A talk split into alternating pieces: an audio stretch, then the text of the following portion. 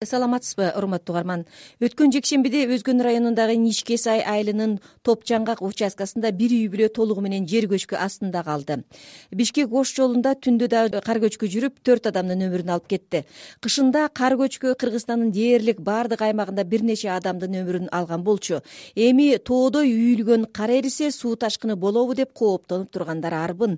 Табигый күтүүсүз кырсыктардын алдын алуу боюнча кандай аракеттер бар? Тургундарды кооптуу жерлерден албаган өзгөчө кырдаалдар министрлиги менен жергиликтүү бийликтер эскертүү менен эле чектелишеби. Бүгүн э, жооп издей турган негизги суроолорубуз мына ушул биздин талкуубузга өзгөчө кырдаалдар министрлигинин калкты жана аймактарды коргоо башкармалыгынын башчысы алмаз асанов жана телефон аркылуу министрликтин жалал абад областтык башкармалыгынын башчысы абдишариф бекилов менен ат башы районунун акими жакыпбек субакожоев катышат.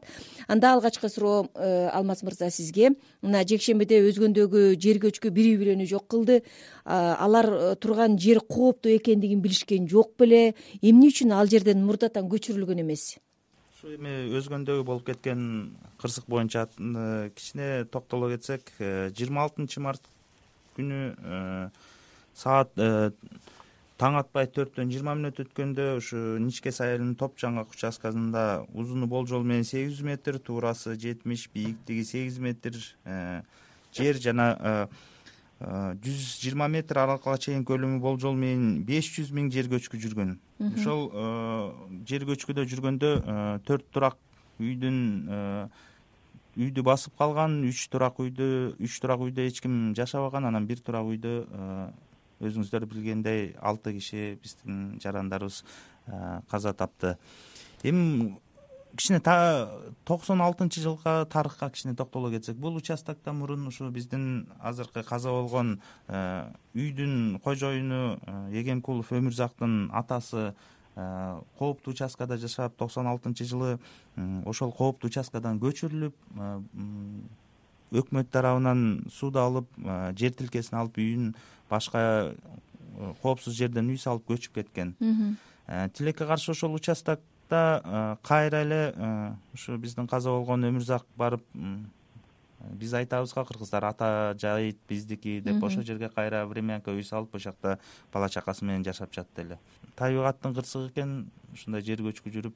Эми ошого айтылган жок беле бул жер кооптуу жер көчкүсү болот башка жерге барыңыз деп. бул э, бул участок кооптуу болгон бул участоктон көчүрүлгөн атасын көчүрүлгөндөн кийин бул участокто эч ким жашабачу эми биздин жарандар э, ошо биздин эскертмелерге дагы э, тил албай десек болот жергиликтүү бийликтерге дагы айтылган ошолордун баарын тиешелүү жумуштар жүргүзүлүп атат бирок тилекке каршы биздин жарандарыбыз кайра эле ушул кооптуу участокторго эч кимге айтпай турбай эле үй салып эле мал жандыктарын кармап жайытка жакыныраак ошондой кооптуу участкаларда жашап жатышат. Бул эми камырабастык да. Эми тобокелге салгандыгы биздин жарандардын.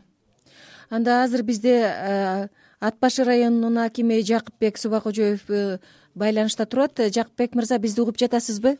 Жакыпбек мырза бизди угуп жатасызбы угуп атам угулуп атат угуп атам мына ат башы районунда калың кардан абал курч деген маалыматтар болуп жатат. Азыр абал кандай? Мындай кар эрисе суу ташкыны болбойбу анын алдын алуу аракетин жасап жатасыздарбы? Э, туура айтасыз ушу ат башы районунда дагы ушул республиканын баардык аймактары сыяктуу эле быйыл да кар ушу нормадан калың жаады. Бүгүнкү күндө ушул э, ат башы районундагы айылдарды суудан сактоо максатында баардык айыл өкмөттөр ушу өзүлөрүнүн бюджетинде карап акча каражаттарын акча каражаттарын бөлүштү.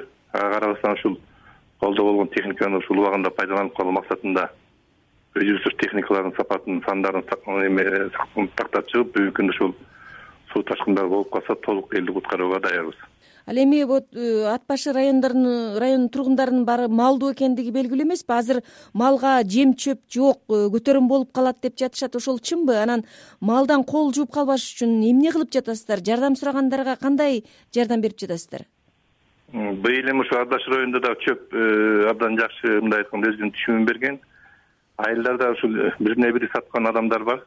Чөп биздин ушул райондун ичинде чөп жетиштүү башка райондордон же болбосо башка шаардардан бизге чоп келүү азырынча зарылдыгы жок. Ушу ички рынокто өзүбүздүн чөбүбүз бири бирибизге жетет.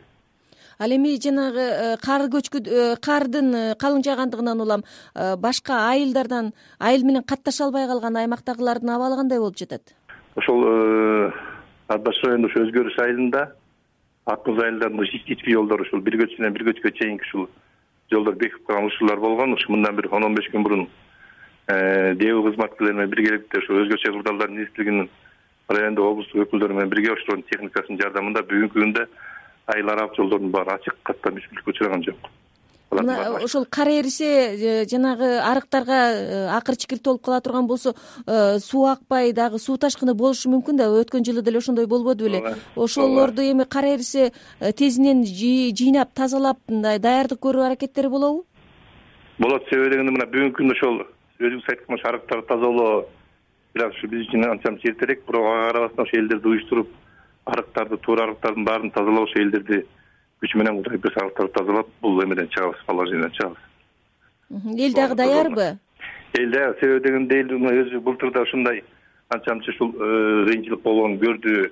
Быйыл да мындай айтканда ушул жанагындай суу ташкындары болоору мындай айтканда азырынча э, мындай маалыматтар айтылып атат элдин өзүнүн да мындай айтканда аракеттери болот бул элдерди уюштурабыз. Эл даяр болот буга рахмат анда байланышта болуп туруңуз. Алмаз мырза мына өткөндө э, кыргызстан боюнча э, жер көчүшү мүмкүн деген жүздөгөн жер бар деп айттыңыз эле да? Анан ал жерлерден ушул тапта канча үй бүлө көчүрүлдү э, же эскертүү бергенбиз деп эле э, коюп өзүңүздөрдү мындай өзүңүздөр алдап жатасыздарбы? Эмне үчүн ошол кооптуу жерлерден элди көчүрүүгө алыңар жетпей жатат? Көчүрүү боюнча токтоло кетсек э, бул азыркы бирден бир проблема. Мурунку эфирде да айта кеттик элек жердин трансформациялоо болушу. Айыл өкмөттөрдө жер ушу кооптуу жайда жашап жаткан биздин жарандарга трансформациялоо боюнча иш чаралар жүрүп атат. Эң бир орчундуу маселе бул э, жалал абад областында эң э, саны боюнча жер көчкүлөрүнүн көп участоктор бар.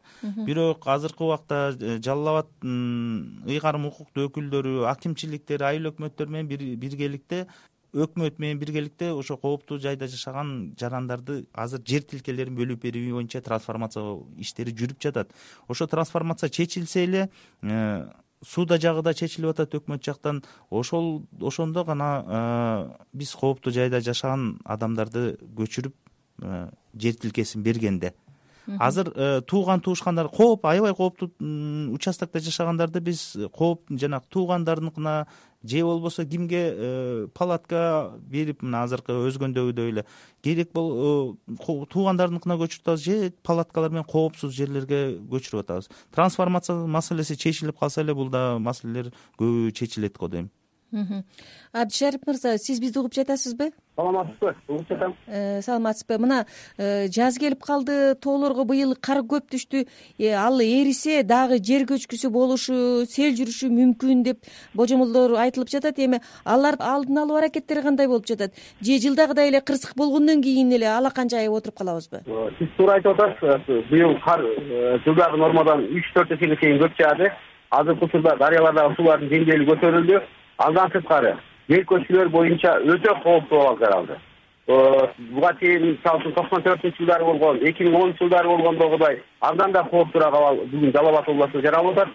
Жалал абад областында бүгүнкү күнгө э, бир миң сегиз жүзгө э, жакын турак жай э, ошондой кооптуу участкаларда турат. Биз алдын алуу боюнча баардык күч аракеттерди жергиликтүү өзүбүз башкаруу органдары менен жүргүзүп жатабыз. Тилекке каршы тилекке каршы. Мындай жарандардын өзүлөрүнүн ошол кооптуу аймактардан чыгып кетүүлөрү мындай э, жакшы болбой атат да өзүлөрүнүн өмүрүнө өзүлөрү мындай э, кайдыгер караган жарандар көп басымдуу болуп атат ошого карабастан электр энергиянын токтотуп атабыз айрым мектептерди жапканга туура келип атат. Мыйзамдуу мыйзам чегиндеги баардык чараларды көрүп атабыз ошо башка жакка көчпөйбүз деп баш тарткандарга жакшылап түшүндүрүп мына жакыныда өзгөндөгүдөй былтыркы сузактагыдай кырсык болуп кетиши мүмкүн экендигин түшүндүргөндө кандай натыйжа болуп жатат? Же ага жергиликтүү бийлик мындай жардам бербей жатабы?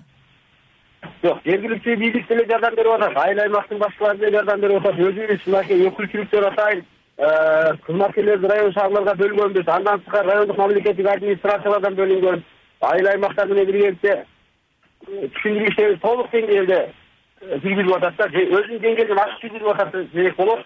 Бирок көпчүлүк учурда ошол жарандардын кайгы болуп калууда да. Мисалы үчүн мына сузакта алмалы булак айылындагы масиев атындагы орто мектебин жаптык электр энергиясын берүүнү токтоттук азыр ошол эле иштер базар коргон районунда улантып атабыз электр энергиясын берүүлөрү токтотуу ошол мисалы үчүн биздин кызыл линияда турган айылдар токсон төртүнчү жылдан бери турган айылдар башка жактан жер тилкесин алышып сурак жайларды салып кайра жашап аткандар мыйзам жашап аткан ал демелде негизи айыл болбошу керек эле. Алар көчүп кетип аны башка максатта негизгиче пайдаланыш керек болчу биз азыр ошол багытта жумуш алып барып атабыз да.